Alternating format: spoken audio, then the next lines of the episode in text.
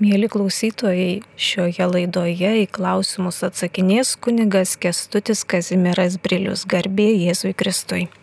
Garbė Jėzui Kristui sveikinu visus. Dabar iš eilės prie paliktų žinučių grįžtame. Popiežiaus kalba sukėlė siaubą. Ar jau turim antipopiežių? Ne, neturim. Kam sukėlė siaubą, laukite viskupų rašto visą, visą kas kelbė arba ką retransliuoja, arba komentuoja komentarais, mums galutinai įtvirtinama ir paskelbiama ordinarų, viskupų ordinarų, kurie valdo viskupės raštais. Taigi, išgirdę kažkur kažkokią žinią ar komentarą, galite reaguoti jausmiškai, žinoma, tai jūsų reikalas. Bet e, čia dėl to užsiminta, kad popiežiaus kalba pasmerkė kunigus, kurie laiko šventų raštų. Na, šitas, šitas vien pasakymas jau, kai sako, kvepia netikslumo, noriu grįžti prie atsakymo. E, tai ištraukta iš popiežiaus kalbos konteksto gabalėlis ir prakomentuota, kaip papuolė 2019 metais, lapkričio 15 paskelbta ir į lietuvių kalbą išversta yra popiežiaus pranciškaus apaštališko laiško matu proprijų forma aperuit ilis dėl Dievo žodžio sekmadienio įvedimo. Popiežius Pranciškus. Todėl pagal šį laišką įvedamas Dievo žodžio sekmadienis. Ir kurie domėsitės tų klausimų, kaip praeistas siaubas, kuris ištiko, paskaitykite popiežiaus laišką Aperuit ilis. Ten būtent ir nuosekliai išdėstyta, kodėl ir kaip ir ką tas Dievo žodžių sekmadienis. Toliaus garbėjus Kristo reikia persižegnoti, kai kunigas vandeniu šlaksto, kai šventin, šventinimi daiktai, pavyzdžiui, valgys ir žvakės, valgiai ir žvakės nešventimi daiktai, ne žmonės. Persižegnojimas liturgijoje yra maldos pradžioje ir maldos pabaigoje ten, kuris yra nurodytas kaip toks. Paprastai pradedant ir baigiant persižegnuojam.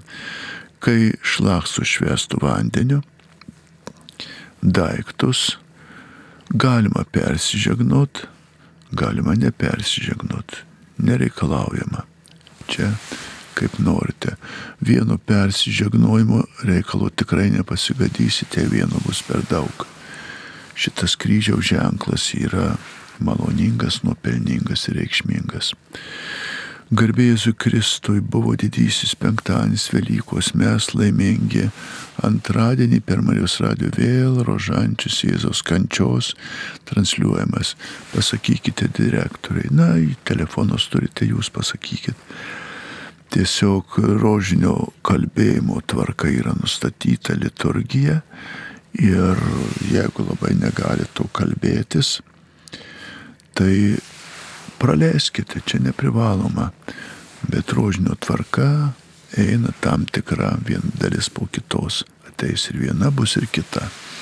Tai su kantrybė palaukit linksmesnės, jeigu taip neišeina. Sveiki, kaip su pamokslu, kada jis privalomas trečią Velykų dienos, trečią Velykų dienos vakarė dalyvavau katedroje Šiaulių pamokslo nebuvo. Pamokslas privalomas yra tada, kada liturgija yra sekmadienį arba per įsakytasias šventes. Trečia Velykų diena nėra įsakyta šventė, todėl pamokslas neprivalomas ir klebonas parenka ir nurodo kunigams, bus pamokslas ar nebus, dar kartą kartoju. Pamokslas privalomas sekmadienės ir per įsakytas šventes. Įsakytas titulinės šventės, trečia Velykų diena neįsakyta šventė, todėl neprivalomas. Toliau. Ar nuodėmė pastebėti simpatiškas moteris ir pakalbinti jas, jei esu vedęs, žiūrint kokiu tikslu, jeigu, jeigu tikslas pokalbio ar stebėjimo yra nuodėmingas, tai nuodėmė. Jeigu tikslas yra draugiškumas, palankumas, pagarba, dėkingumas, tai nenuodėmė. Galima pakalbinti, pareikšti padėką, pagerbti, padėkoti, pasisveikinti nebus nuodėmės. Jeigu bus siekiama nuodėmingų tikslų, tai ir pradžia bus nuodėminga. Turim telefono skambutį. Vilija iš skuodo paskambino. Klauskite, prašau. Garbė Jėzui Kristui. Per amžius. E, Iš pradžios knygos parašyta, kad Nojus gyveno 950 metų. Ar taip tiesiogiai jį reikia suprasti? Ir kitą klausimą, ar sutvirtinimo tėvai berniukui būtinai turi būti vyras, o mergaitė moteris?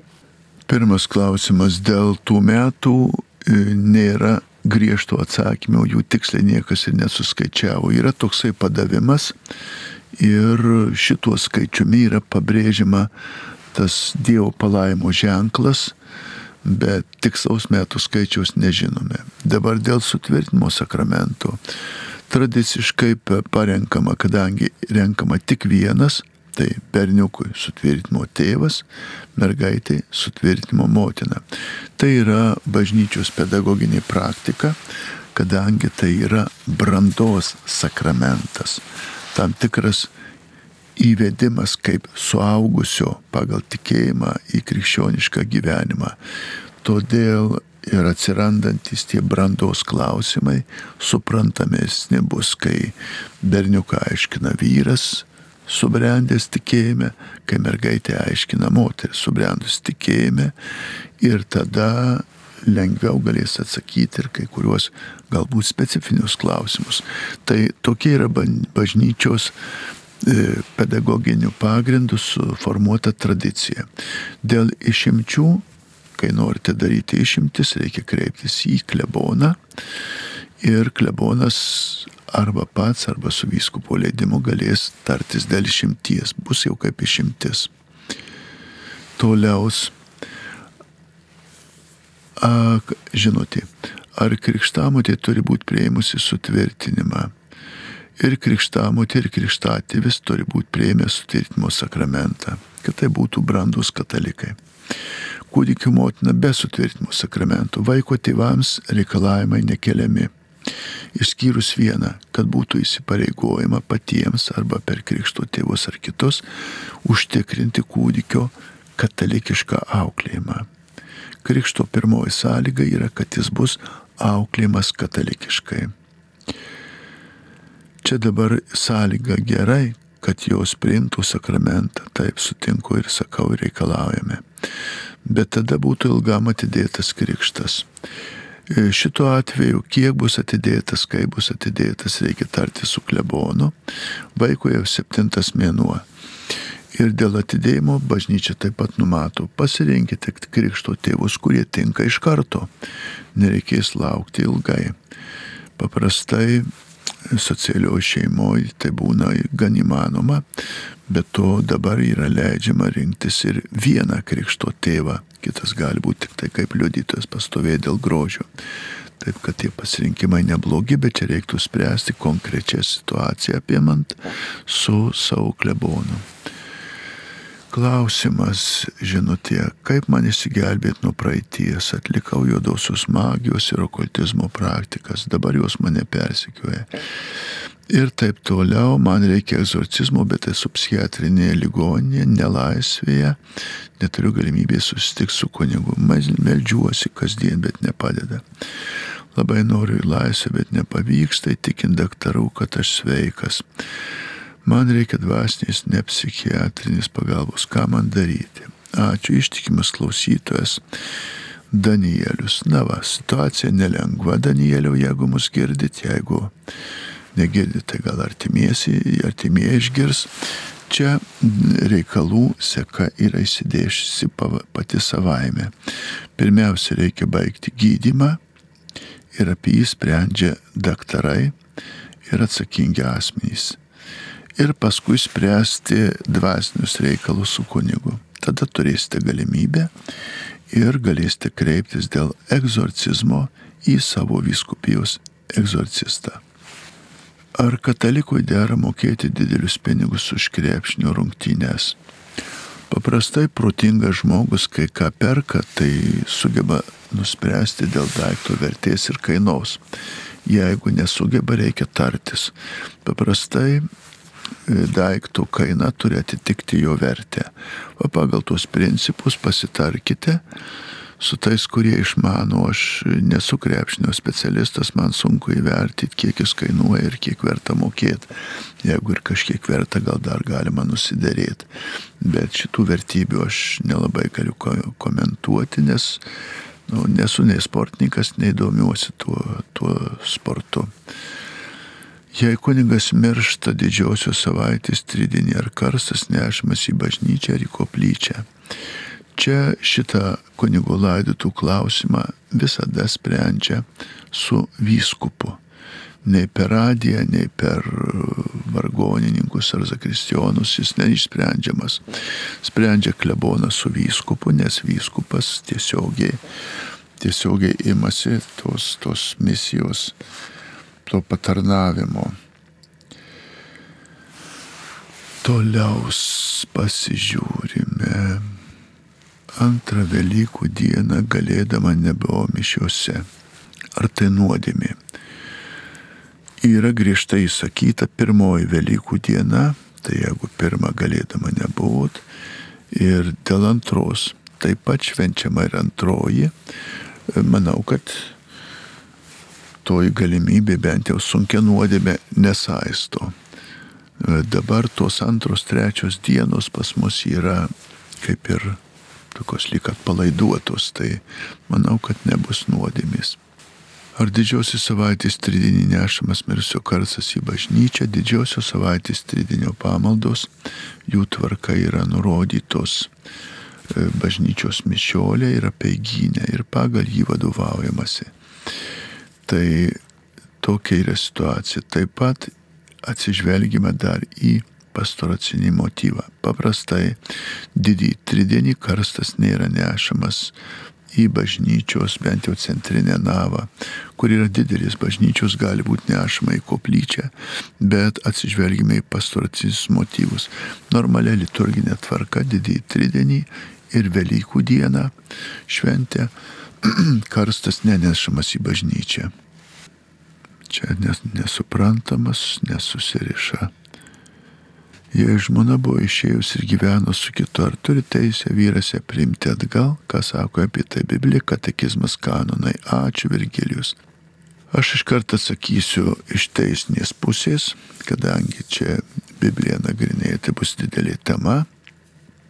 Daug ką ten sako ir viskas į tą patį. Atsakymas toks. Reiškia, neištikimybės faktinė vieša nuodėmė suteikia teisę gyventi atskirai. Tai yra atsiskyrus ir nėra pareigos priimti atgal. Jeigu šita išdavystė yra atleista, atleidžiama, tada priimama vėl gyventi kartu. Ir jeigu buvo atleista ir priimta gyventi kartu, tai vėl kada susigalvojus lauk varyti negalima. Tai reiškia atsakymas dar kartą paaiškinu. Jeigu išėjo ir nori sugrįžti, sprendži, sprendžia nekaltoji pusė pati. Atleisti ar netleisti. Jeigu buvo atleista ir sugrįžo, vėl iš naujo supykti ar užsigauti ar išvaryti negalima. Jau vėl įsigalioja pilna santukos priesaika. Toks yra atsakymas yra tokios sakramentalijos.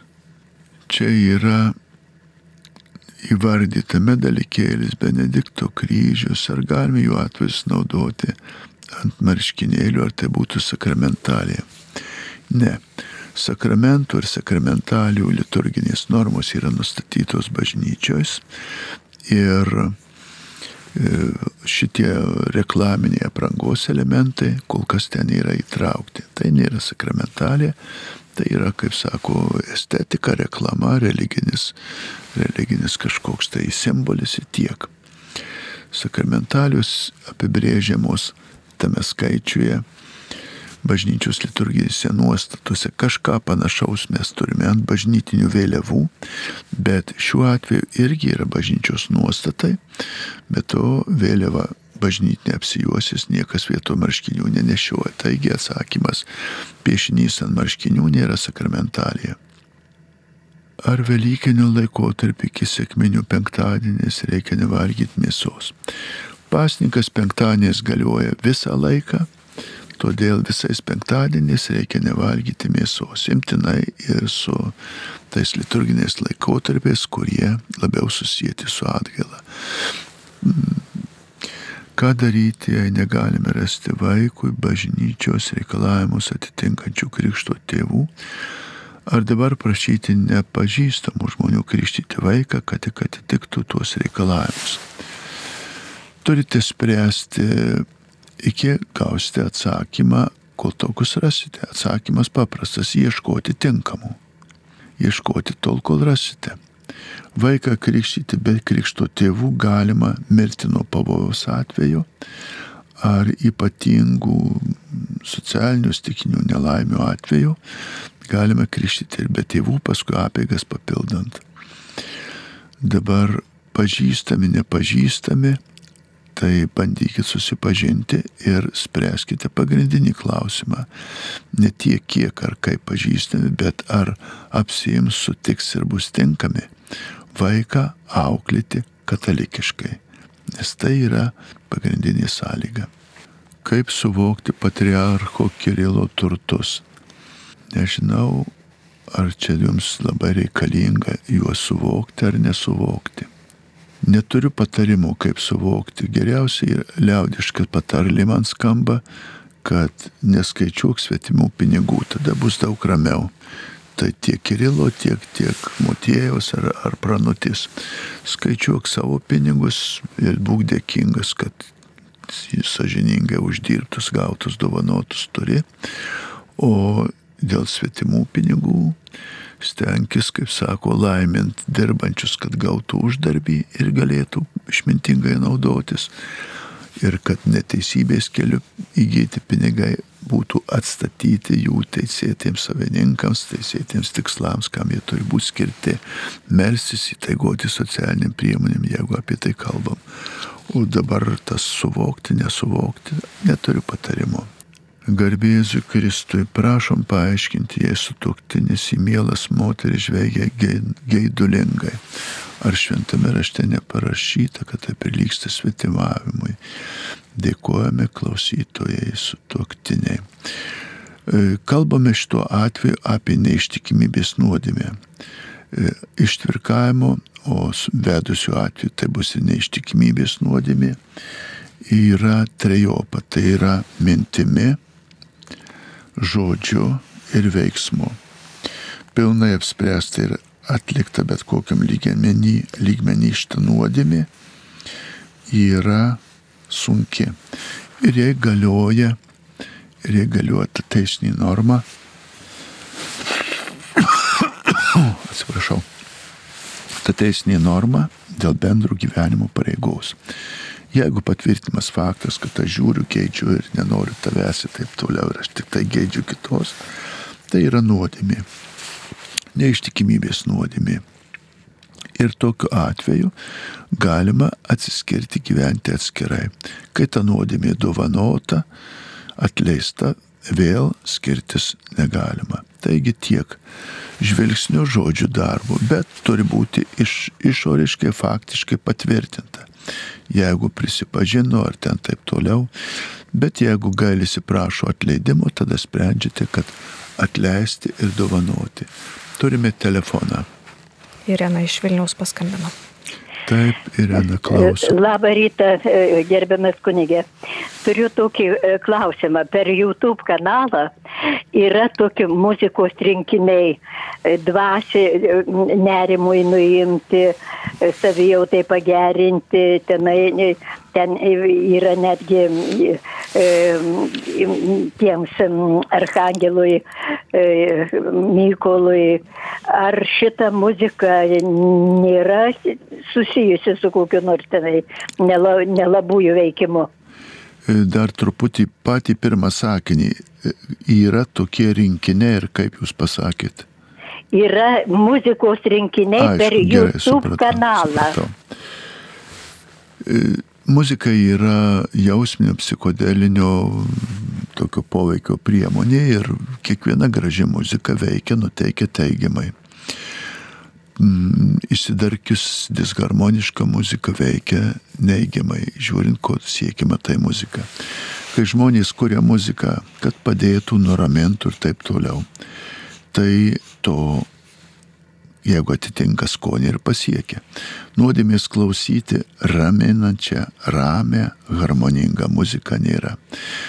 Kiek prie jos galima klyjuoti religinius elementus, lieka klausimas. Vieną atsakau, visi religiniai dalykai, kurie vienai par kitaip pretenduoja tokiais būti, turi būti patvirtinti bažnyčios.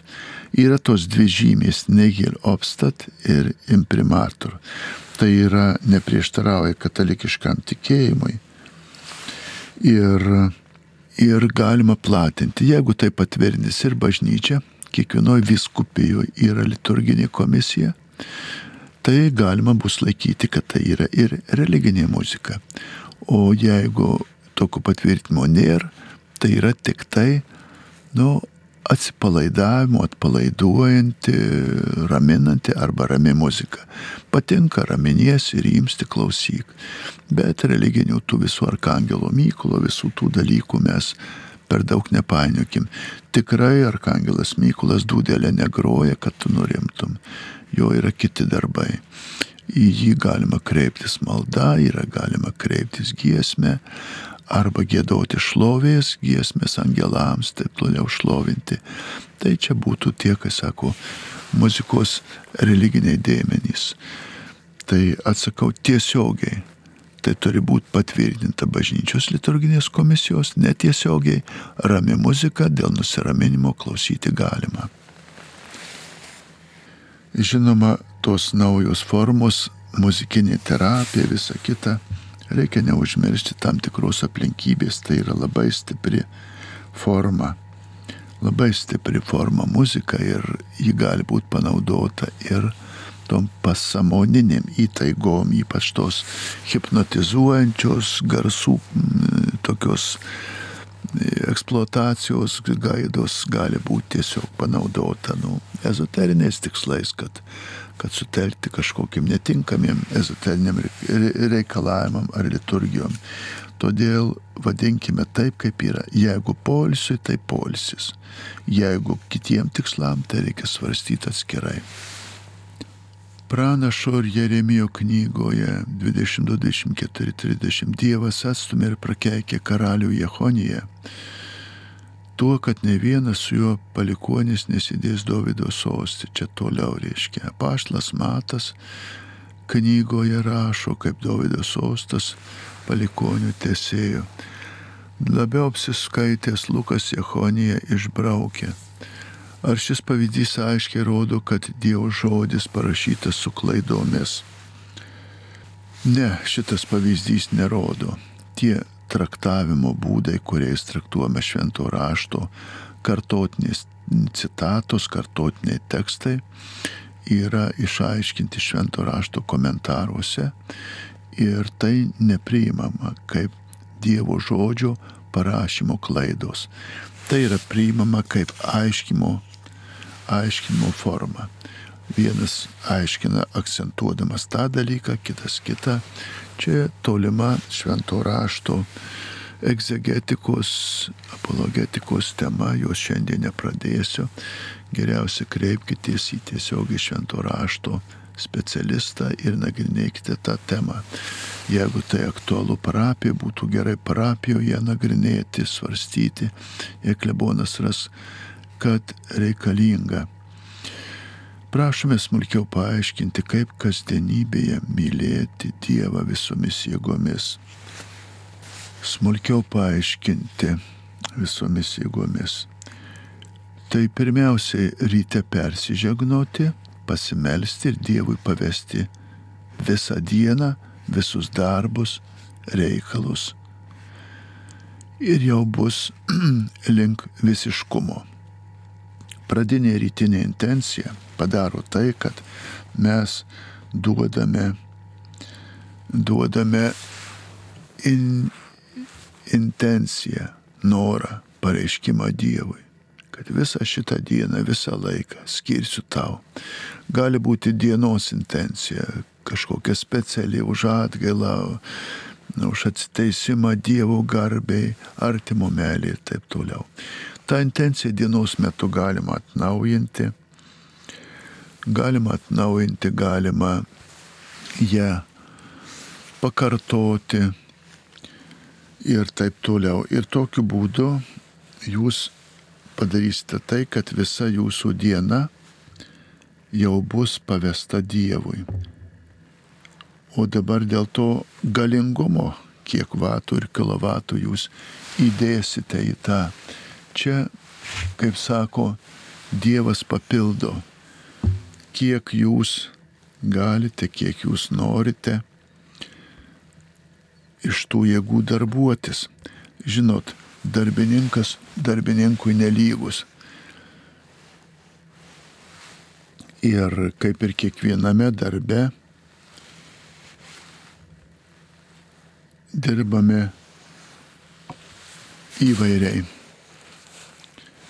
Vienas, kaip sako, pagal charakterį nesuprasi, ar jis miega eidamas, ar miegodamas eina, tai toks darbininkas, o kitas, kaip stos, už du už tris, tai ši čia dėl to paties darbo kokybės lieka, lieka pa, pats klausimas, kaip kas dirba. Tai jeigu gerą sumanimą turi, gerai stengiasi, tai tai bus ir visomis jėgomis, ir Dievo atžvilgiu. Tai manau pagrindinai tai yra įsprendžiama intencijoje. Kaip tu pavesi darbui, darbą Dievui, taip ir dirbsi. O toliau jau tau darbininkiški sugebėjimai kada galima pelnyti visuotinius atlaidus meldžiantis Dievo gailestingumo valinikėlį. Pagal nurodytas sąlygas, tada, kai jie pelnomi, tada, kai išpildomos atlaidų sąlygos visose bažnyčiose jos yra skelbiamos. E, ar atlaidai suteikimi tik Lietuvoje? E, atsakau taip, kiekvienoje viskupijoje vyskupas paskelbė atla, atlaidus parapijose, ir atlaidų sąlygas. Viskupų konferencija gali skelbti, gali skelbti atlaidus galiuojančiomis sąlygomis visai Lietuvos bažnyčiai provincijai, nes, nes tokia yra nuformuoti Lietuvos bažnytinė provincija. Daliniai ir visuotiniai atlaidai gaunami išpildžius nustatytas sąlygas. Pačias atlaidų sąlygas nustato apaštlų sostas, apaštališkoji penitenciarija ir jas konkrečiai paskelbė vyskupai, ordinarai arba vyskupų konferencija. Visuotiniams atlaidoms papildomos sąlygos atlikti išpažinti ar būti malonės būsenoje tai yra besunkios nuodėmės ir priimti šventą komuniją tą pačią dieną, kai atliekamas darbas, kada, kada pelnomas atlaidas ir pasimelsti, turint intenciją gauti atlaidus. Domantui Saboniui tapus judėjumi kilo klausimas, kas judėjams yra krikščionys. Kaip žiūrint į tai, kas rašoma Šulach ar šimtas įstatymą apie krikščionis. Judėjų klausimus reikia užduoti judėjams, kas jiems yra krikščionys ir kaip jie ten rašo, nežinau iš kokio miesto Virgilius klausė, tai aš patarčiau arba klausti patį Domantą Sabonį, kurio aš tarp kitko nepažįstu ir ne, negaliu jo užklausti šiuo metu, arba klausti judėjus, kaip jiem atrodo krikščionys. Kada šventos mišios Gertrūdos bažnyčioje Kaune aukojamas darbo dienomis ar ne mišių metu bažnyčia atidaryta? Atsakymas, kadangi aš pats esu Gertrūdos bažnyčios rektorius. Atsakymą rasite internetinėme puslapyje Gertrūdos bažnyčia be lietuviškų raidžių gertrūdos.lt, gertrūdosbažnyčia.lt, ten yra viskas surašyta. Darbo dienomis mišios aukojamos 18 val. išskyrus pirmadienį, bažnyčia atidaryta darbo dienomis antradienį iki penktadienio nuo 9 iki pusės 7, iki baigėsi pamaldos. Šeštadieniais, sekmadieniais bažnyčia atidaryta nuo 10 iki 14 valandos, mišios 11 val. Pirmadieniais šventų mišių nėra, bažnyčia uždaryta. Visa tvarka yra puslapyje Gertrūdos bažnyčia. .lt. Ar klausant mišes per radiją ir žiūrint per televiziją reikia klauptis, stotis ir taip toliau? Ne. Radija televizija neatstoja mišių, tai nėra mišius radijoje ir televizijoje. Todėl mes jas klausome ir žiūrime, o dalyvaujame jau pilną liturgiją klopdami, stodami, kai esame bažnyčioje. Klausytoja Elena paskambino. Taip, Elena, klausome. Ai, atinais neatsakiau jums. Aš labai noriu paprašyti, pasveikinti sveikatos, sveikatos jums daug džiaugsmo, laimės, kad mes visi atsiverštum, kad būtų vienas ganytojas, vienas. O dabar, kad šimtą dievą niekad nebegėda. Dabar aš visą laiką radio klausau, nuo pradžių dabar. Ir dabar, reiškia, nugi, ne vieną, va, kelis kart gėduoja, gal kokį tris kart per Marijos radio šventų dievę, o daugiau negirdžiam, sekmadieniais va, mūsų, na, į bažnyčią nuveinus savo, taip sakant, to mūsų bažnytėlą pripanėžę rajoną mes. Nu ir, ir, ir va tą labiausiai prašau. Nu aš ir, nežinau, kaip, kaip, aišk, dešimt dievų įsakymų niekad ne, neaiškinu. Nesupranta, na, kad kunigėlį klausia, nemokina, gi komunizmas nedavė. O kodėl dabar dešimt dievų sakėm, gi dievai jie nieko nesupranta. Man dabar draugauju berniuk su mergait, nieko nežino, nieko nesupranta. Bet dievai, kaip jie išmoks be dešimt dievų sakymų. Gerai, dėkoju už klausimą.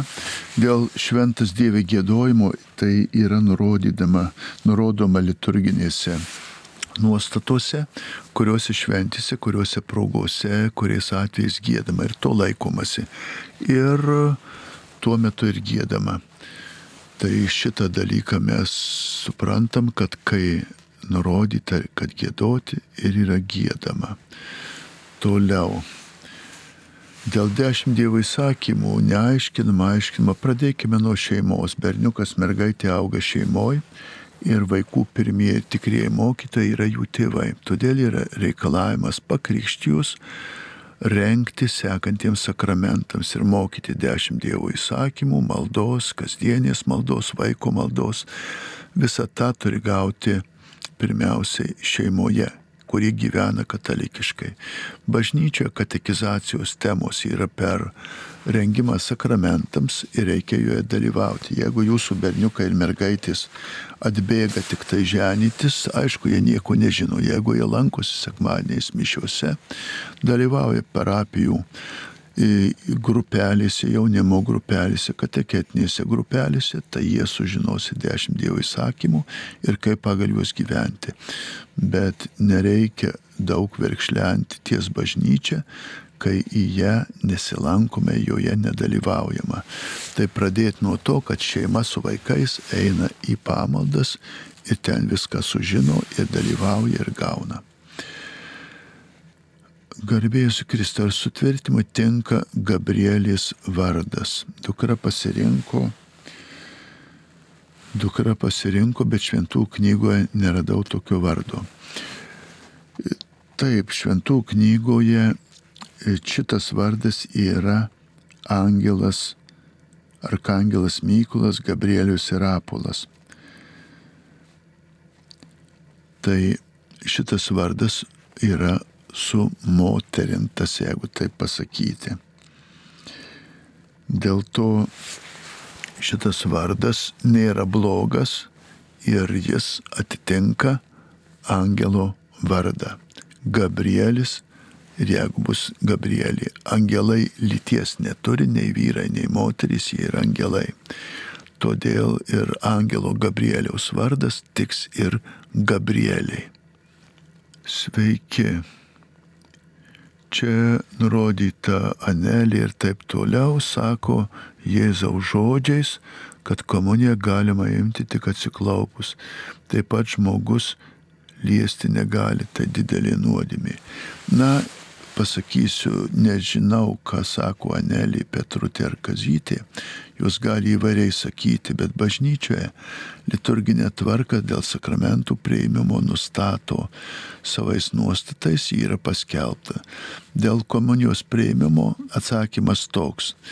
Tradiciškai priimama atsiklaupus į burną, kai vyresnio amžiaus žmonės sunkiau atsiklaupti ir viskupai leidžia priimti komuniją, klūpant, stovint, leidžia priimti į ranką arba į burną. Kol kas neuždrausta leista ir duota pasirinkti. Todėl tarp šitų pasirinkimų mes ir straksim, pasiimam, naudojamės. Tradiciškai atsiklaupus į burną priimamas švenčiausias sakramentas. Galima ir stovint, galima ir į ranką, jeigu yra tam priežastis. Garbėjus Kristui, ką Jėzus norėjo pasakyti, sakydamas, kad darysite tuos darbus, kuriuos aš darau ir dar didesnius už juos. Jėzus vaikščiojo gydė ligonius, tai kodėl dabar nėra gyva ši jėga, jei Jėzus prisikėlęs ir gyvas, tai ir ši jėga turėtų būti gyva ir veikianti. Atsakau taip, kaip jis pasakė, taip ir yra. Jėzus netėjo mūsų stebinti darbais, kad niekas jų nepranoktų. Jis atėjo reiškėsi kaip žmogus ir dalį darbų, stebuklų darė kaip Dievas savo tikslu, kad įrodyti savo dievystę ir patvirtinti savo pasiuntinybę. Jis darė tiek, kad galim pasakyti, to pakako. To pakako įrodyti, kad jis yra Dievas, kad jis yra Mesijas ir kad jis yra Dievo sūnus.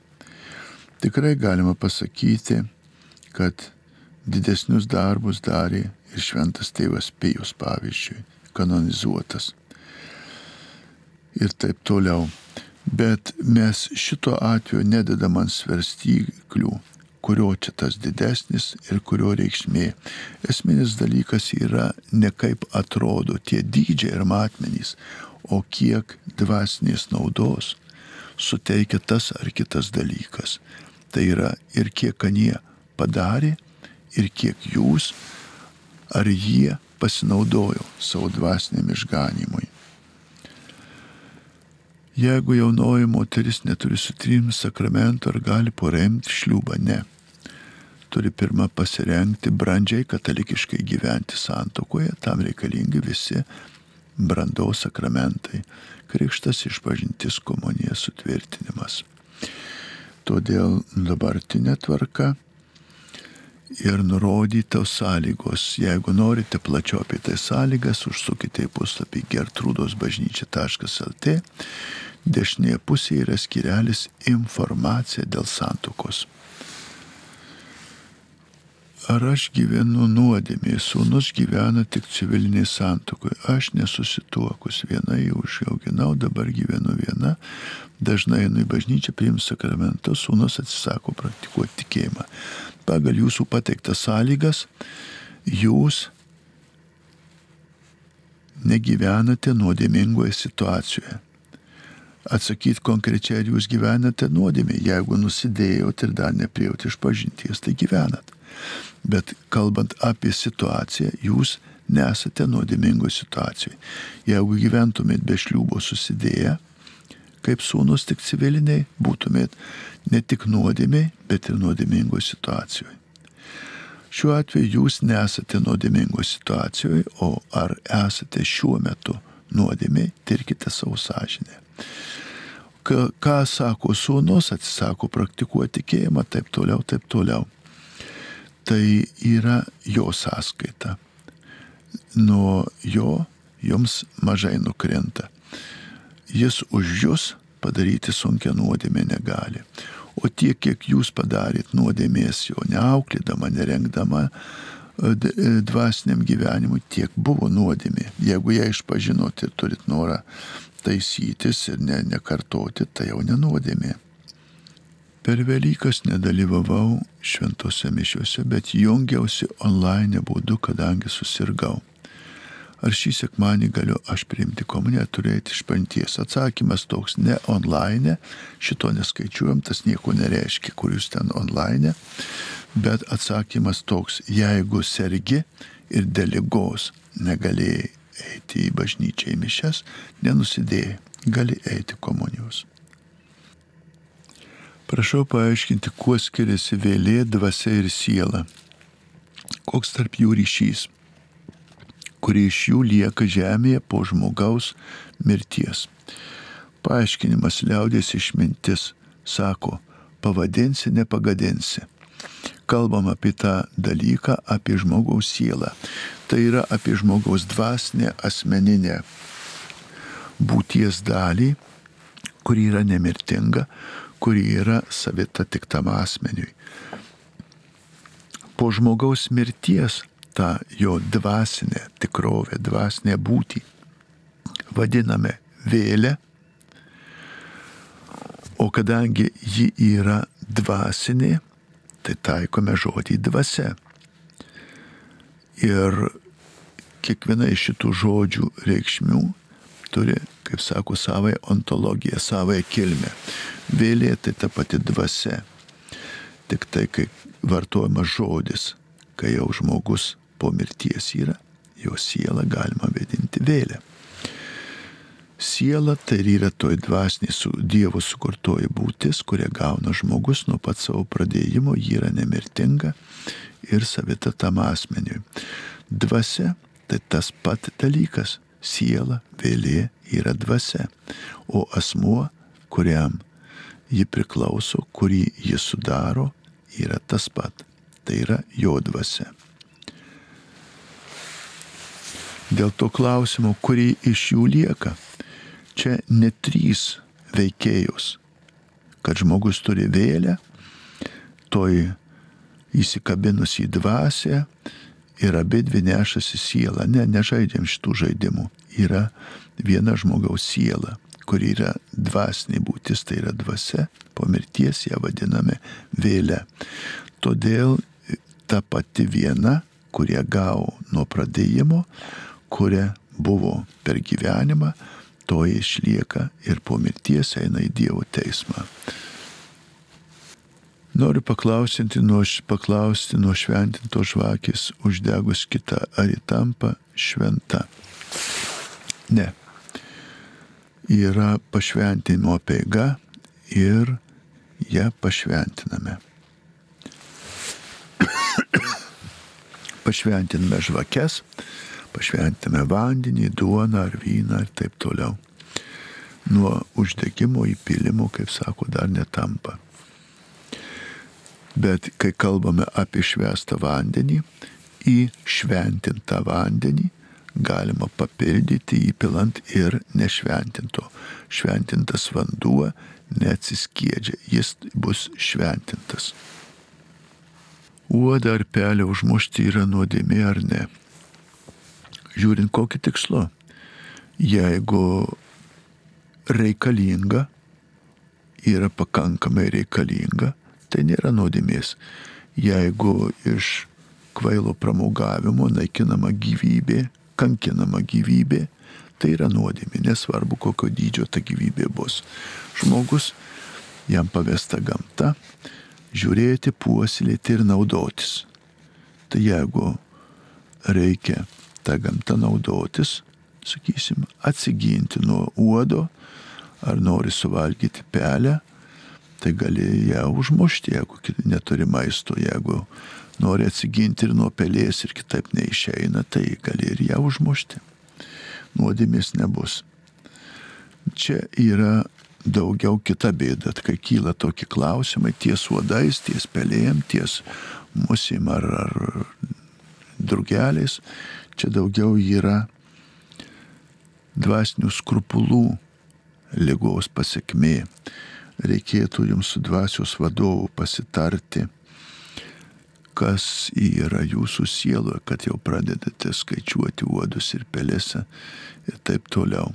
Tai yra tokia bėda, dvasiniai skrupulai, kai juos įpuolame, tai tada kyla klausimai dėl uodų ir mūsų ir nuodėmių į vieną vietą. Dabar anoniminis klausimas nori įsidarbinti vienose pareigose, bet yra meluojamas ten dalyvių skaičius, taip daroma tam, kad neuždarytų įstaigos, ar būtų gerai eiti į darbą, žinant, kad neuždarytų, būtų priversta meluoti. Dėl melo nuodėmės atsakau bendru principu. Meluoti nuodėmė yra tada, kai nuslėpėme ar iškreipiame tiesą nuo to, kuris turi teisę ją žinoti. Jeigu reikės meluoti tiesą tiems, kurie turi teisę ją žinoti, tai yra nuodėmė. Jeigu tuštiems malsautojams arba tiems, kuriems ta tiesa nepriklauso, tai tokios nuodėmės nėra. Pagal tai spręskite. Skaitau, skaitau, čia ilgas, čia ilgas toksai šitas ir paskui pagalvosim, atsakysim. Dabar klausimas iš Jadvygos. Ar žydų dievą Jahve galime vadinti meilę, nekreipiant dėmesį jo žudynėse Sename testamente, čia skliaustelėse Nojaus laivas, Sodoma ir Gomora. Dievas yra meilė ir nesvarbu, ką mes čia dėliosim, pasaulyje, atsiprašau, pasaulyje pasitaikančias blogybės, kurios atėjo, kurios atėjo per nuodėmę ir išplito pasaulyje. Todėl Dievas, vedantis pasaulį apvaizdos keliu ir sugebantis net iš blogą išvesti į gerą, net ir per blogus dalykus, siekia ir pasiekia gerų tikslų einant, tikint, pasitikint ir gyvenant pagal jo valią, mes ir iš visų bėdų nelaimių išeisime į didį laimėjimą dangaus karalystę. Dar kartą sakau, Dievas yra meilė. Jakvis, Dievo vardas žydai, jo vadino, taip pat yra meilė.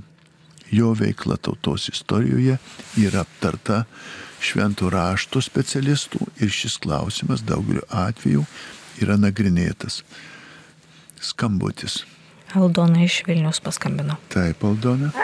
Garbėzu Kristų tėvelė. Dabar aš ką noriu pasiklausyti.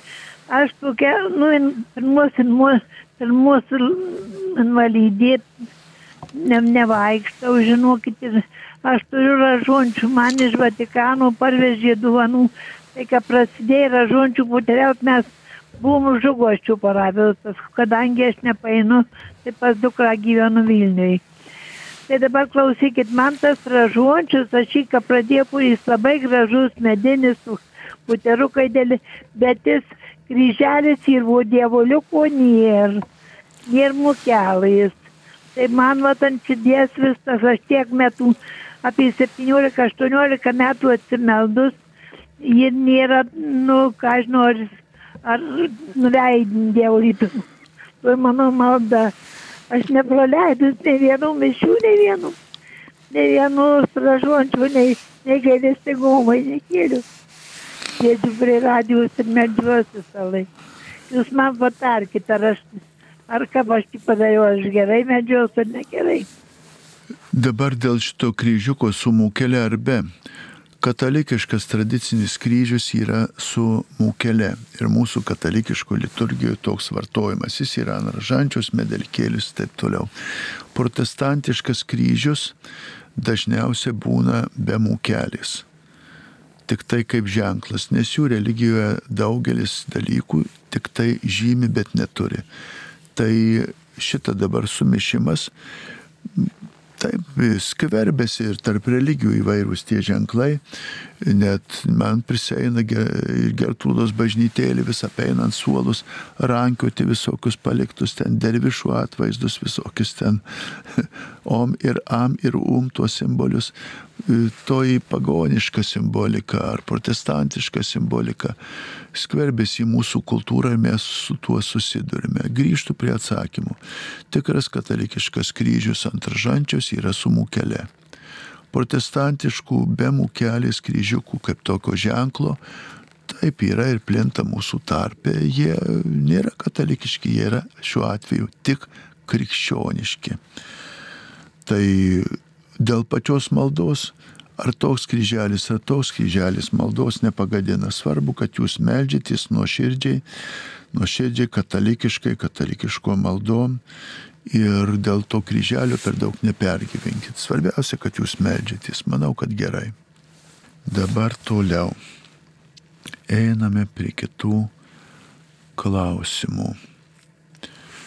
Na, toksai, čia sakyčiau, didingas klausimas Jadvygos, kodėl biblinis raštas negali vadintis fantazija. Išverčiu fantaziją. Jeigu sukurtas buvo daug metų po Kristaus, daug kartų verčiamas, papildymas, koreguojamas. Todėl, kad jis neturi tų elementų, kurie atitinka fantazijas. Tai yra tikrovė ir tikrovės aprašas. Fantazija yra išgalvota ir ar su aprašu, ar be, tai yra visų pirma išgalvota, nesanti, neegzistuojanti mintis, dvasia, kažkokia tai kūryba ir taip toliau. Šventas raštas negali vadintis fantazija dėl to, kad tai yra tikrų įvykių, tikras, autentiškas aprašas. Kada sukurtas? Remiantis liudytojais, remiantis tiesiogiais liudytojais, tarpiniais liudytojais ir tą liudimo tradiciją, kuri susiformavo tuo metu, kai jis buvo rašomas. Na, šitas pasakymas koreguojamas pagal bažnyčios poreikį, ne, jis nebuvo koreguojamas nei karto pagal bažnyčios poreikį, kai kalbame apie Romos katalikų bažnyčią ir jos patvirtintą švento rašto rinkinį vadinamą kanoną. Tačiau jis buvo tobulinami vertimai, tikslinami įsireiškimai. Skambutis. Ta pati Aldona dar vieną klausimą turi. Aldona dar turi. Klausimas Taip. Aldona. Pas, pas mane yra akių gliukoma, aš nepraleidžiu nei vienų mišių, kas per Marijos radiją eina. Bet užsimerkus, ar, kap- ar, ar man te eina maldausia. Negaliu nuskauda akis. Daugiausia užsimerkus. Labai gerai. Ar užsimerkus, ar užsičiaupus, ar prasižiojus, ar atsisėdus, ar atsigulus, visa nuoširdį malda eina pas Dievą, jį pasiekia. Galit melsis. Toliau. Aušra, šiauliai. Čia maldos intencija. Meldžia maldos, čia yra taip toliau išvardyta. Gerai, aušra, jūs savo maldų intencijas perduokit Marijos radijai, kur yra gailestingumo valdnikėlio maldos ir priimamos intencijos. Čia šitos laidos, kadangi jūs neuždavėt klausimo, tai aš netesiu. Nes čia labai ilgai sąrašas vardų ir taip toliau. Maldų intencijas perduokit maldų e, Marijos radijui į maldos valandas. Ar tiesa, kad Dievas mus myli, stebėdama mus tarp debesų, turint dešimt įsakymų, taip nesilaikus. Atsakau į pirmą dalį, toliau nerišlu čia tarp debesų, Dievas mus myli, stebėdamas tarp debesų, ne jis ne tarp debesų mus stebi. Tarp debesų laksto lėktuvai, gandrai, gervės, bet Dievas ten ne, nelaksto, kad mus stebėtų. Dievas yra visą matantis ir regintis ir net tarp debesų. Bet atsakau pirmą dalį. Tikra tiesa, kad Dievas mus myli. Kokie yra požymiai, ar yra siela kūne ar nėra. Juk dar netaip seniai moteris, vaikai indėnai, juodaodžiai neturėjo sielos, o gyvūnai neturi iki šiol. Na, visų pirma, darykime skirtumą tarp žmonių ir gyvūnų. Gyvūnai sielos neturi, neturėjo ir neturės, o žmonės turi, turėjo ir turės sielą. Ar ji yra kūne ar ne, tai akivaizdžių požymių mes neturime, bet gyvame kūne siela yra. Mirus žmogui siela apleidžia kūną su juo nesusijus. Kurioje vietoje kūne yra siela, mes negalime nustatyti, nes siela yra dvasia ir ji nesitalpina į vietą, ji tik priklauso šitam kūnui. Katekizme reikia žiūrėti, kaip žmogaus siela ir kūnas sudaro vienybę. Katekizmas sako, žmogaus asmuo yra kūninė ir kartu dvasinė būtybė. Dvasia ir medžiaga žmogoje sudaro vieną prigimtį, ši vienybė tokia glaudi, kad dėl dvasinio prado, kuris yra siela, kūnas, kuris yra medžiaga, tampa gyvų žmogaus kūnu ir įgauna Dievo paveikslo kilnumo. Čia iš katekizmo. 70 punktas katekizme, kas duoda žmogui sielą. Dvasinė siela kyla ne iš tėvų, bet tiesiogiai sukuriama Dievu, jau esu sakęs, ir yra nemirtinga sukuriama siela tada, kai tėvai pradeda kūną. Pradedant kūną nuo paties pradėjimo, sukuriama siela ir su tuo asmeniu susijęma. Mirties metu atsiskirdama nuo kūno ji nežūva, ji iš naujo susivienė su kūnu, kūno prisikėlimo metu.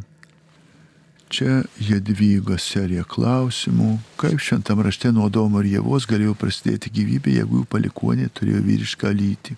Šitas klausimas reikia žiūrėti šventame rašte pagal tą tradiciją, kad e, šventų rašto visos e, gimininės linijos yra minimos vyro vardu. Todėl reikia sekti nuo tos vietos, kai kalbame apie brolius ir seseris, sūnus ir dukras ir taip toliau. Čia reiktų pasakyti ne palikuoniai turėjo vyrišką lytį, bet įvardyti palikuoniai buvo vyrai, o neįvardyti buvo moterys. Skambutį turime. Elvyra iš Kretingos paskambino. Prašom, Elvyra. E, Garbė Jėzui Kristui. Per amžius. E, nemažai tenka girdėti apie transhumanizmą girdėjau netgi, kad universitetuose dėstoma apie tai. Norėčiau paklausti jūsų nuomonės, kokia ateitis tikėjimo ir bažnyčios transhumanizmo perspektyvoje. Kada dabartinė globalistinė pasaulio kultūra savo politikomis stengiasi viską užvaldyti, Ir kad galėtų tai padaryti, reikia apriboti, pašalinti iš žmogaus asmens sąžinę, jos veiklą, tai yra vadovavimėsi moraliniais, dvasiniais principais, kuriamos įvairios taip vadinamo humanizmo atmainos be Dievo. Transhumanizmas ten vėl taip toliau. Mes esame krikščionys ir katalikai. Atsakymas, kokia bažnyčios perspektyva guli šiame Evangelijos ištarėme pragaro vartai jos nenugalės. Gali kurtis įvairios bedieviškos kultūros formos ir atmainos, daugelį išgazdys, daugelį suvilios, daugelį nuves į šalį. Tačiau tie, kurie sąžiningai laikysis Dievo žodžio, tikėjimo mokymo, tie nebus suvilioti ir suklaidinti ir ateis transhumanizmo, aš pasakyčiau, ideologija. Ir katekizme kol kas ji nėra apibriešta, tačiau jos esmė yra žmogaus prigimties keitimas. Pakeisti žmogaus prigimtį. Dabar tai vadinasi taip, ankstyvo sovietmečio laiku tai buvo arčiau didesnių absurdų, ten buvo sugalvoję, kad socialinė santvarka keičia ne tik žmogaus prigimti, bet ir augalų, kad galima išauklyti augalus, dynus, kukurūzus, taip toliau. Ten buvo tokių gabių labai botanikų e, prie sovietų ir jų įtakoji sovietų vadovas Kruščiovas ėmė auklėti kukurūzus ir kukurūzais auklėti politiką, o tą politiką statyti komunizmą. Tai ten vat buvo gal pavadinčiau ankstyvoji transhumanizmo atmaina, žmogaus prigimties keitimas. Mes bažnyčioje turime labai stipriai išreikštą teisinę platformą apie prigimtinę teisę. Kiek žmogaus prigimtis žmogiška, ji Dievo vardu yra susijęta su žmogumi ir žmogus už ją atsakingas. Todėl tie nusikaltimai, kai kurie nuodėmės prieš žmogaus prigimtį, tai yra prieš jo gyvybę, prieš lyties identitetą, prieš asmens identitetą, tapatybę, kurie keičia tą žmogaus prigimtį, yra nuodėmingi. Apie patį transhumanizmą galima sakyti, kad tai yra idėja. Ji gali reikšti skirtingus dalykus. Šiuo metu ji dar nei pilnai uh, išvystyta, nei pilnai apreikšta.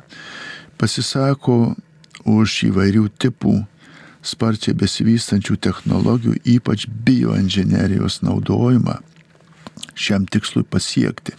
Na ir turiu perspėti, kad jau prieita prie kai kurių nuodėmių prieš prigimtį, tai yra prieš tam tikrų genetinių eksperimentų su žmogaus genetiniu kodu jo prigimtimi prieita prie tam tikrų, tam tikrų e, vaisingumo eksperimentų, kurie pažeidžia žmogaus prigimtinę teisę turėti tėvų šeimą, tėvą motiną. Taip kad e, čia nieko naujo po visų fašizmų, komunizmų, tų ideologinių religijų, aš pabrėžiu, ideologinių religijų, kurios susidirbę moraliai vertė tikėti ir daryti tas blogybės. Na, nenustepkite, mėlyjeji, kad šitam kontekste gyvenant be Dievo totaliai visuomeniai formuojasi naujos ideologinės, filosofinės religijos, kur reikia daugiau tikėti, kad nematytum tiesos.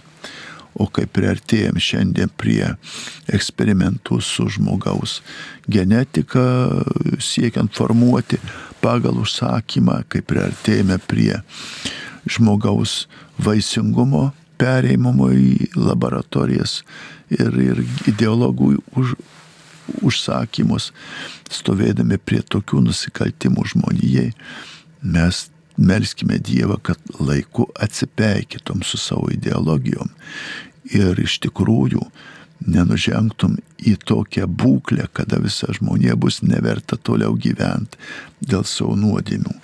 Taip kad turėkite samoningai, turėkite minti situaciją, kuri veda bėgant tolstant tautoms ir mūsų tautai nuo dievų. Malda prašant mirusių, kad mūsų užtartų melžiantis sielų išganimą. Ar tai teisinga? Taip teisinga. Ar tiesa, kad yra siekiama suvienyti religijas?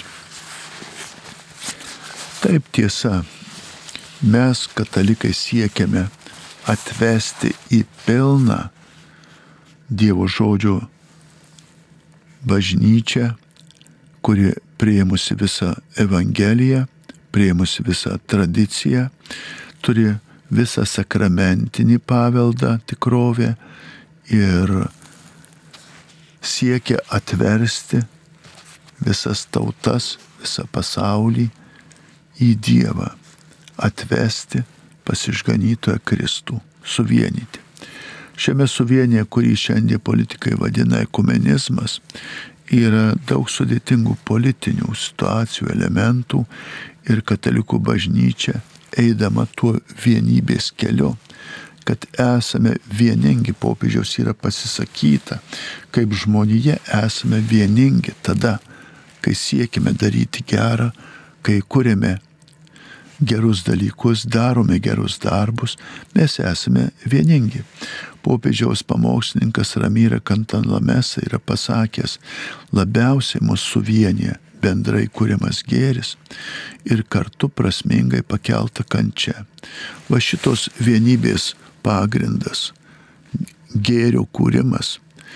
Ir yra tasai pagrindas kelias, kuriuo eina bažnyčia ir bažnyčios vieningai daryti ką nors gerą. Bet tai nereiškia, kad mes turime įsižadėti ar pamesti apreiškimą ar katalikišką mokymą. Garbėsiu Kristui, kunigė Kestutė, dėkojame Jums, kad išlaikote ir pakarodote tikrai taip, taip. Vertybinį moralinį stubrą, kad atsakote į klausimus, nebijodamas nepatyti klausimčiam, nes pateikite tiesą, Jūs sakymą, požiūris atgaiva, ačiū už viltį.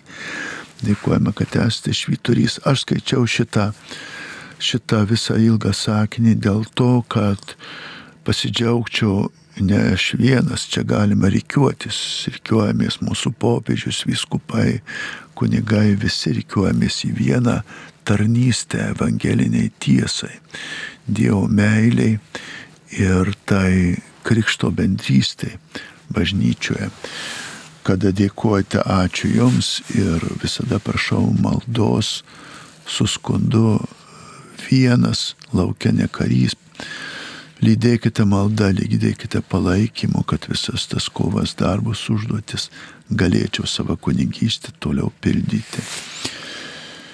Grįžtant, grįžtant prie klausimo mūsų šiandienės rekordininkės Jadvygos, kokių duomenų mes turime, kad mūsų tikėjimas pats teisingiausias ir kaip bus nubausti tie, kurie priversti buvo priimti kitą tikėjimą.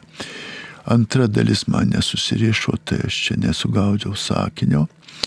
Kokiu duomenų mes turime, kad mūsų tikėjimas pasiteisingiausias. Tai yra, mes turime apreiškimą šventą įraštą, mes turime šventą tradiciją ir mes turime nuolatinį bažnyčios mokymą, kuri nuolatos šventai dvasiai veikiant šitos dalykus aiškina ir jais pagrindžia mūsų tikėjimą.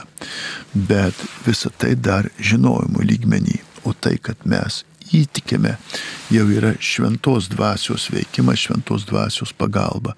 Turime skambutį. Klausytoja Marija. Garbėjai Kristui.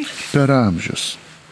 Dėkui už įstabius atsakymus ir noriu pasinaudoti jūsų autoritetu ir paklausti asmeniškai apie save, apie kremavimą. Aš noriu visą laiką gyvenime man sakydavo skraidau padebesiais visur kitur aš to norėdavau. Mėgstu saulę mėgstu muziką literatūrą tą dvasingumą. Mano visi artimieji laidoti natūraliu būdu. Aš norėčiau kremavimo. Ar dabar norėčiau jūsų tokį tikrai autoritetu pasinaudoti? Tikrai nepadaryčiau didelės nuodėmės ar ne? Kad aš vat tiesiog nu noriu aš į tą išeiti greičiau su pelenais. Toks mano yra jau nuo nuo vaikystės toks mąstymas kad vis sakydavo tu skraidai skraidai. Taip sakau aš skraidau ir skraidau skraidys, aš noriu būti su saulė, su debesim ir visa kita. Tai norėčiau jūsų, jeigu kas atleisti man ir, ir, ir kartu palaiminti, kad jeigu aš tai padaryčiau, ar bus klaida ar ne. Tuo jau, ponė, pradėsiu atsakyti. Pirmiausia, pasakysiu, kad mano praktiko, kaip čia pasakyti, nu, pirmas toks gražus ir poetiškas prašymas, mane sudeginkit. Na, bet aš taip pat noriu Jums atsakyti, atsiprašau, atsakyti, kaip aš tai įsivaizdavau.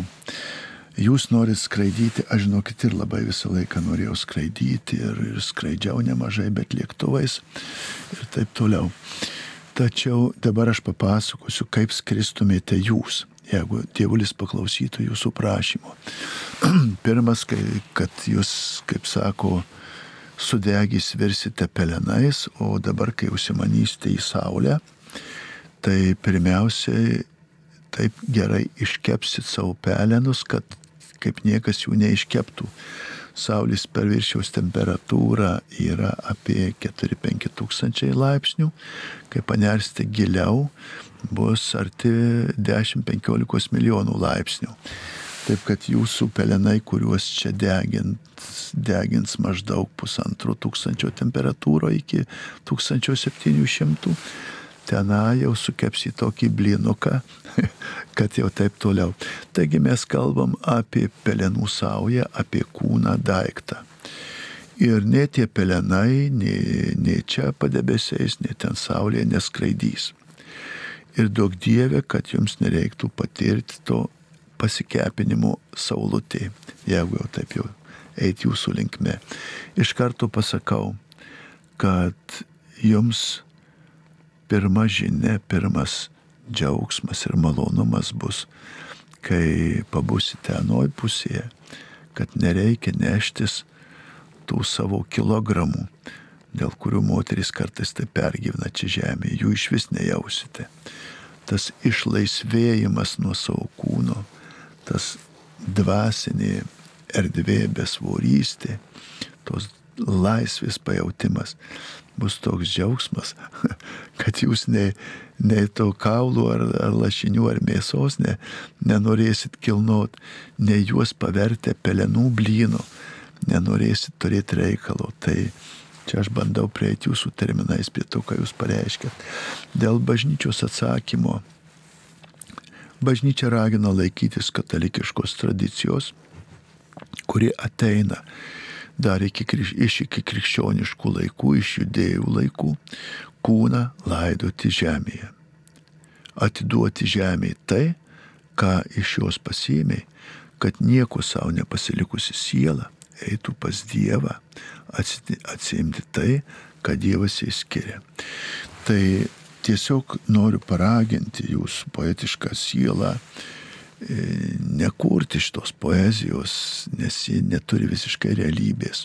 Toje tikrovėje, kurią jums pristatys mirtis. Kurkite savo dvasinę ugnį.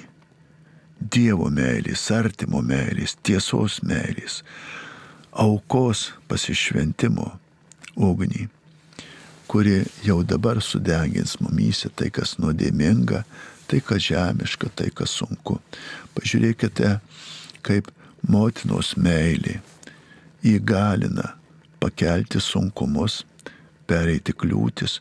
Pažiūrėkite, kaip tėvo pasiaukojimas išmintis ir tarnystė įgalina iš to keverzuojančio bamblio užauginti pilietį, kataliką, atsakingą, galinti mylėti, būsimą tėvą ar motiną. Va šitoje meilės liepsnoje, kurie nuskamba iš Evangelijos žodžių. Aš atėjau uždegti ugnies ir noriu, kad ji jau liepsnotų. Jūs šitoje liepsnoje gyvenkite. O dėl to deginimo, su, su deginimu taip toliau, dar kartą sakau, bažnyčia to nepritarė, neragina ir draudžia laikykime savo tradicijos, kuri iš tikrųjų per amžius turi tam tikrą prasme. Tie visi deginimai, barstymai, na, aš asmeniškai sakau, man atrodo juokingai ir žeminančiai. Kada mano tėvo ar motinos pelenai man dulkis akis ir per, peršint reikės trinti akis, kai sako, nes va, pakliuvo pelenų, žinot, ar dulkių. Nedarykim taip dėkime dvasinę meilę su ugnimi. Einam prie klausimų. Dar grįžtant prie šito, galėčiau pridurti, kad Lietuvos viskubų konferencija yra pasakius čia visiems, kurie klauso, kad šiuo metu svarstoma verstybėje įstatymas, kremavimo įstatymų projektai, svarbus visuomeniai ir arkivyskupas konferencijos pirmininkas Tamkevičius 2007 metais kreipėsi į vyriausybę, primindamas kanonų teisę. Ir kanonas 1176 ragina, kad visų pirma pagarba kremuotiems palaikams turi prilygti pagarbai rodomai mirusio asmens kūnui ir atitinkamai su jais elgiamasi. Katalikų bažnyčios požiūriu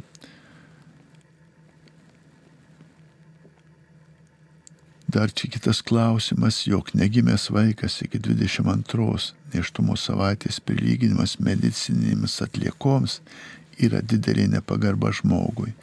Ir va matot, prieš daug jau metų, 2007 metais, bažnyčia sprendė, rūpinosi, kad šitie mūsų technizuoto pasaulio e, visi pramanai kuo mažiau pakenktų žmogiškam ir prigimties orumui.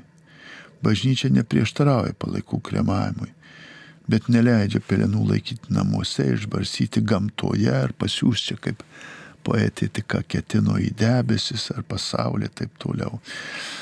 Čia yra tikėjimo mokymo kongregacijos instrukcija ad resurgendum cum Christo, kad prisikelti su Kristumi. Ir prefektas kardinolas Gerardas Mülleris yra kalbėjęs kaip tik šituos dalykus. Taigi, mėlyjeji, neikime mes su tais pelenų barstytojais. Raskim savo tėvynę, savo tėvų žemelį, savo partizanų žemelį. Raskime tuos du metrus kapui palaidoti palaikus žmogaus. Praeis ir šitie vėjai, praeis ir jo kvailystė iš tų laikų ir vėl ieškosim, ką sunkiai gavę lengvai pametėm Taigi grįžkime prie tų tradicijų, kurie galim laikykimės visos pagarbos skambutis. Dainius iš Vilnius. Per amžius. Atsiprašau, kunigė, norėjau perklausti. Buvo klausimas, e, ar yra kokie požymiai, kad e, žmogus turi sielą. Pirma, tai, kaip aš suprantu, tai protingumas, tai protinga siela. Ir antra, ar nėra taip, kad tai kad jau žmogus yra gyvas jau yra įrodymas kad jis turi sielą ir aš kažkaip čia netaip suprantu ačiū labai e, tų požymių yra visa eilė, bet, bet e, aš nenorėjau čia jų visų nagrinėti, tai yra atskira tema ir ji gana plati. Kad žmogus protingas, šitas dalykas nėra pagrindinis argumentas už tai, kad dingus protui senatvinė dimensija, proto psichinės lygos kai kuriuose ideologijose pabrėžiu, reikalaudavo žmogų sunaikinti, nes tada atsėtis bevertis. Todėl šitas protingumo argumentas nėra objektyviai net pagrindinis, kad žmogus turi sielą. Va šitą aš noriu pakartoti, nes jeigu sielą mes tiesiogiai susijęsime su, su protu, tai beprotis jos kaip ir neturi teisės pretenduoti į tą sielą. Ir taip toliau. Ir dėja, kai kurios ideologijos šitai buvo panaudoję kad ir, ir Vokietijoje buvo nustatyta žudyti, ten nuodyti bepročius ir taip toliau, žudyti gimusius e, protiškai invalidus ir taip toliau. Šitas argumentas taip jis yra panaudotas apologetikoje pagal žmogaus protingą sielą, bet jis nėra pagrindinis, todėl aš nesustojau prie jo. Bet žinoma, svarstant visą apologetiką, reikėtų svarstyti ir šitą e, žmogaus protingumo argumentą kaip sąsojoje su siela. Todėl aš nesustojau prie jo, bet tai yra vienas iš argumentų. Grįžtame toliau prie klausimų. Ar išlieka sielų bendrystė iškeliaus amžinybėje? Taip, tikėjimo išpažinime mes išpažįstame šventųjų bendravimą. Ir jis yra čia žemėje tarp gyvųjų, malda, malonė, dvasinis poveikis ir taip pat tarp gyvųjų ir mirusių ir taip pat tarp mirusiųjų. Ar tiesa, kad katalikų bažnyčia apie Dievą nieko nežino? Ne, netiesa. Čia šitie visi tokie spėliojimai Ne, netiesa, katalikų bažnyčia apie Dievą žino, tai ką jai apreiškė ir tai skelbė ir aiškina. Einame prie kito dabar, žiūrime. Jėzus ragina matyti laiko ženklus, kokie yra dabar jūsų akimis. Ir popiežius ragina skaityti laiko ženklus ir ne kartą, ir ne vienas laiko ženklus kokie yra dabar jūsų akimis laiko ženklai. Mano akimis tai dabar yra 10 valandų 24 minutės, už 6 minučių turėsiu baigti laidą ir bėgti į bažnytėlę aukoti mišes. Tai va toks laiko ženklas, kad tarnystė nenutrūksta, tik persikelia į kitą vietą. Klausimas e, šitas yra, kokie dabar mano akimis, jis, jis toksai yra suprantat, nuomonių klausimas. Ir galima būtų labai plačiai išnekėti, bet aš čia atėjau ne save transliuoti, turiu aš tų minčių ir kartais pasišneku savo aplinkoj, ar prie bažnytėlės susirinkimuose, ar pamoksluose. Jeigu turėsite noro paklausyti ir mano nuomonės, užsukite į puslapį kapelionas.lt. Ten yra daug išdėstyta ir mano kapelionas.lt. Skambutis. Birutė paskambino. Prašom, Birutė. Garbė Jėzui Kristui. E, aš noriu paklausti tokio klausimo. Ar gyvūno ir žmogaus kūnas, man atrodo, sandara vienoda? Aš taip galvoju. Žmogaus ir gyvūną. Tai va, kodėl aš klausiu. Aš gyvenau tarybiniais laikais ir buvo toks atvejis, kai mes deginom karvės po lygos. Ir ten neliko jokių pelenų, tik kaulai. Tai man atrodo, kad iš žmogaus sudeginto pelenų nelieka tik tai sudegi, tik lieka kaulai ir lentos iš karsto. E, Nes didelis, e, didelė, e, didelė karštis didelis, sudega kaulai, o kur mes deginom tos sergančius gyvulius, liko kaulai. O iš neliko jokių pelenų iš mėsos. Šiaip ar taip, sustokim ties vienu žodžiu kūnas yra daiktas. Deginant bet kokį daiktą, nedegiaus medžiagos lieka pelenų pavydalu. Tiek žmogaus, tiek gyvūno. Degiosios medžiagos dujų pavydalu ar, ar kažkokiu dulkių pavydalu gali įsisklaidyti, o sunkesnės nedegios medžiagos lieka. Tai čia be jokios abejonės kūnai yra panašus. Gyvūno ir žmogaus kūnas medicinė prasme, biologinė prasme turi labai daug panašumų, nors, nors biologiškai ir genetiškai yra skirtingi.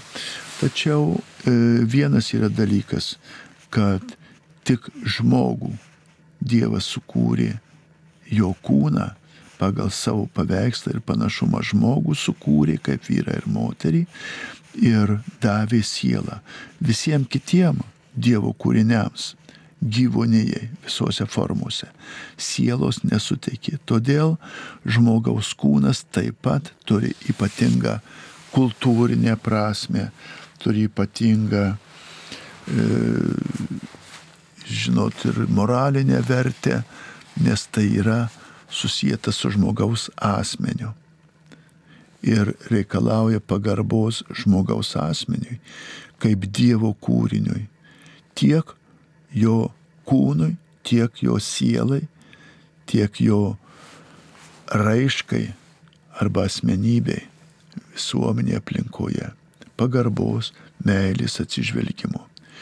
Į gyvūnus mes atsižvelgime tiek kaip į Dievo duotą kūrinį, kuris pasitarnauja ne tik man, todėl turime tausoti ir kitiems, kurį turime priimti pagarbę ir su dėkingumu, nes daugelį dalykų, kuriais naudojamės, mes net nesukūrėme, bet gavome iš Dievo vienokiu kitokiu keliu. Tai va čia būtų toks atsakymas. O dėl tų pelenų tiek žmogaus, tiek gyvūno, tiek medžio kūnai, tai pavadinti deginant, pelenų lieka ir jie iš esmės nieko nesiskiria. Čia dar vienas yra tvirtinimas, kad žmonės ir gyvūnai sielas turi, ne jau atsakyta, bažnyčios mokymas aiškus, sielas turi žmonės. Garbėsiu Kristų, kodėl dabar vadimės kataliko, ne krikščionys, juk pirmaisiais tikintieji buvo vadinami krikščionimis, kitos religijos dabar atitinka jūs mokymą, kuris nepriklauso kaip Atsakau paprastai, mes vadimės katalikais, todėl kad priklausome Romos katalikų bažnyčiai. Priklausome Romos katalikų bažnyčiai dėl to, kad ji pilnai išsaugojo Kristaus mums duotai didelį, didįjį palikimą, tai yra šventąją raštą Dievo žodį, mes nusekliai einame tuo tradicijos ir mokymo keliu, jį perteikdami. Ir kodėl tais laikais buvo krikščionys, čia istorinis klausimas ir pavadinimas, jis kilęs nuo Kristaus ir nuo tada, kai atsirado tas graikiškas vardas Kristus, jo sekėjai vadinosi krikščionys. Šitas pagrindas išlieka, tačiau per istoriją atskilo įvairios atskalos, įvairios sektos, kurios, kadangi kilo iš Kristaus bažnyčios, išpažįsta Kristų vadinasi krikščioniškomis sektomis ar atskolomis ar bažnyčiomis, bet nėra pilnai katalikiška, tai yra pilnutinė bažnyčia, kurią sukūrė Kristus. Tai yra atskalos, kurios vadinasi krikščioniškomis, o Romos katalikai vadinasi Krikštaus katalikų bažnyčia. Va, katalikų bažnyčia yra krikščionys. Yra krikščionys ir nekatalikai. Kas laukia tų katalikų, kurie persimetė į indų tikėjimą, prarado viską, kas krikščioniška, kas laukia tos sielos. Nežinau tiksliai, kas laukia konkrečiai, bet tie, kurie išsigins manęs žmonių akivaizdoje, tuo aš įsiginsiu ir dangiško tėvo akivaizdoje. Tai pasakė Kristus. Tai toliau patys galvokite, kas laukia tų, kur suėjus visiems kartu, turėję Kristų, jo įsigynė, jį numetė, paliko ar taip toliau apleido. Tai belieka tik tai spėlioti. Kas laukia tų, kurie gaus, ką Dievas parengė, ko žmogaus akis neregėjo, ausis neregėjo, negirdėjo tiems, kurie jį myli. Belieka irgi spėlioti, tiksliai nežinome. Bet tai geresnioji dalis prastesnioji dalis laukia Dievo teismas. Su tai žodžiais, kad Kristaus įsižadėjo ir įsigynė ir Kristus išganytojas ir atpirkėjas jų taip pat įsigins. Bus sunku atsilaikyti toj, toj byloj. Ar galima priimti komuniją nesupaėmę šliūbų, jeigu gyvenama susidėjus viename name kaip šeima, kaip santuoka, be šliūbo konkubinatas komunijos eiti negalima. Jeigu esate išsiskyrę, gyvenate atskirai ir nesate nuodėmingame ryšį, komunijos eiti galima. Prieš keltą savaičių draugė laivo vy, laido vyrą, klebonas paprašė tiek ir tiek pinigų ir taip toliau. Ar kunigas turi teisę atsisakyti laidoti? Ne, neturėjau teisės, jeigu būtų tik mažiau mokėjęs. Ne, ne, klebonas, jeigu kalbame kleboną apie parapiečių laidojimą, jeigu nėra e, kitų teisinių kliučių katalikiškam laidojimui, dėl pinigų negali atsisakyti laidoti, nors ir už dyką. Klebonas parapiečių atsakyti laidotės dėl pinigų negali. Jeigu nebent būtų kitos kliūtys, dėl kurių katalikiškas laidomas neįmanomas. Paaiškinkite apie septintos dienos adventistus. Ne, neaiškinsiu, ne tam čia sėdžiu. Viena giminaitė labai pyksta ant manęs už tai, kad pasakiau tiesą, kad tokia, tokia, tokia. Ar jos pyktis gali man pakengti? Na, pakenks tiek, kiek jums sugadys nuotaiką. Šiaip tai visais atvejais vartokite tą veidrodžio principą. Atsim, kas tavo ir turėk dvigubai. Kas tau gerą linki, tai turės dvigubai geriau, kas bloga, tai kai sako, gaus atgal savo pyktį. Tiesiog nereikia priimti. Nereikia man nei tau pykčio, nei tau to ano atmesti. Ar tiesa, kad bažnyčia Jadvyga, ar tiesa, kad bažnyčia atneša milijardus dolerių pelno, mokesčių nemoka, bet visada jai pinigų trūksta? Ne, netiesa.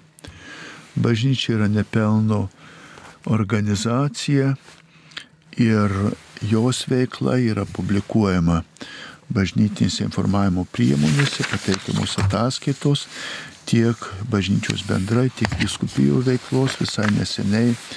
Ir Kauno arkivyskupas pateikė šitais ataskaitas. Ir šitie visi svetimų pinigų skaičiavimai, ypač tie, kurie, kai sako, paukoja kapeiką prišneka už rublį, yra nepagrysti bažnyčia, yra nepelno siekianti organizacija ir aukojamos lėšos yra skiriamos bažnyčios inventoriaus, pačių bažnyčių, organizacijų joje išlaikymui, tarnų, patarnautojų išlaikymui, kunigų išlaikymui ir bažnyčios pastoraciniai kateketiniai veiklai.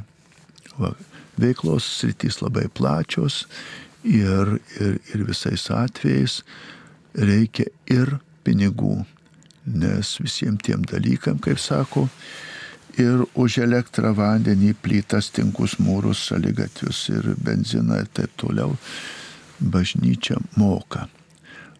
Darbuotojai, kurie dirba, kurie rūpinasi, kad atėję rastumėte atidarytas duris, išplautas grindis, uždegtą šviesą ir, ir, ir reikalingą patarnavimą, taip pat ateina iš savo šeimų, turi gauti algas, turi įsilaikyti ir taip pat yra mokama. Na, o, o šitą, kai sako bažnyčios nemylėtojų diesmelė apie tuos pinigus milijonus, milijardus, tai visą laiką buvo, žinot, galima fantazuoti ir tas liaudės patarimas neskaičiuok svetimių pinigų, nes visada suklysi, skaičiuok savo.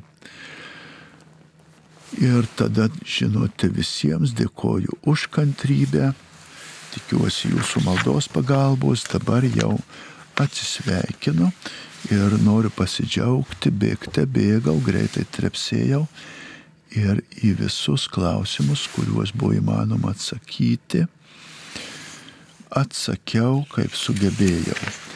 Tai ačiū Dievui už šventos dvasios pagalbą, ačiū mano padėjėjams, referentams ir talkininkams, ačiū Marijos radijo užsiteiktą galimybę ir visiems sakau su Dievu. Dėkojame kunigui, kuris dalyvavo šioje laidoje ir atsakinėjo į klausytojų klausimus, tai kunigui Kestučiui Kazimierui Briliui.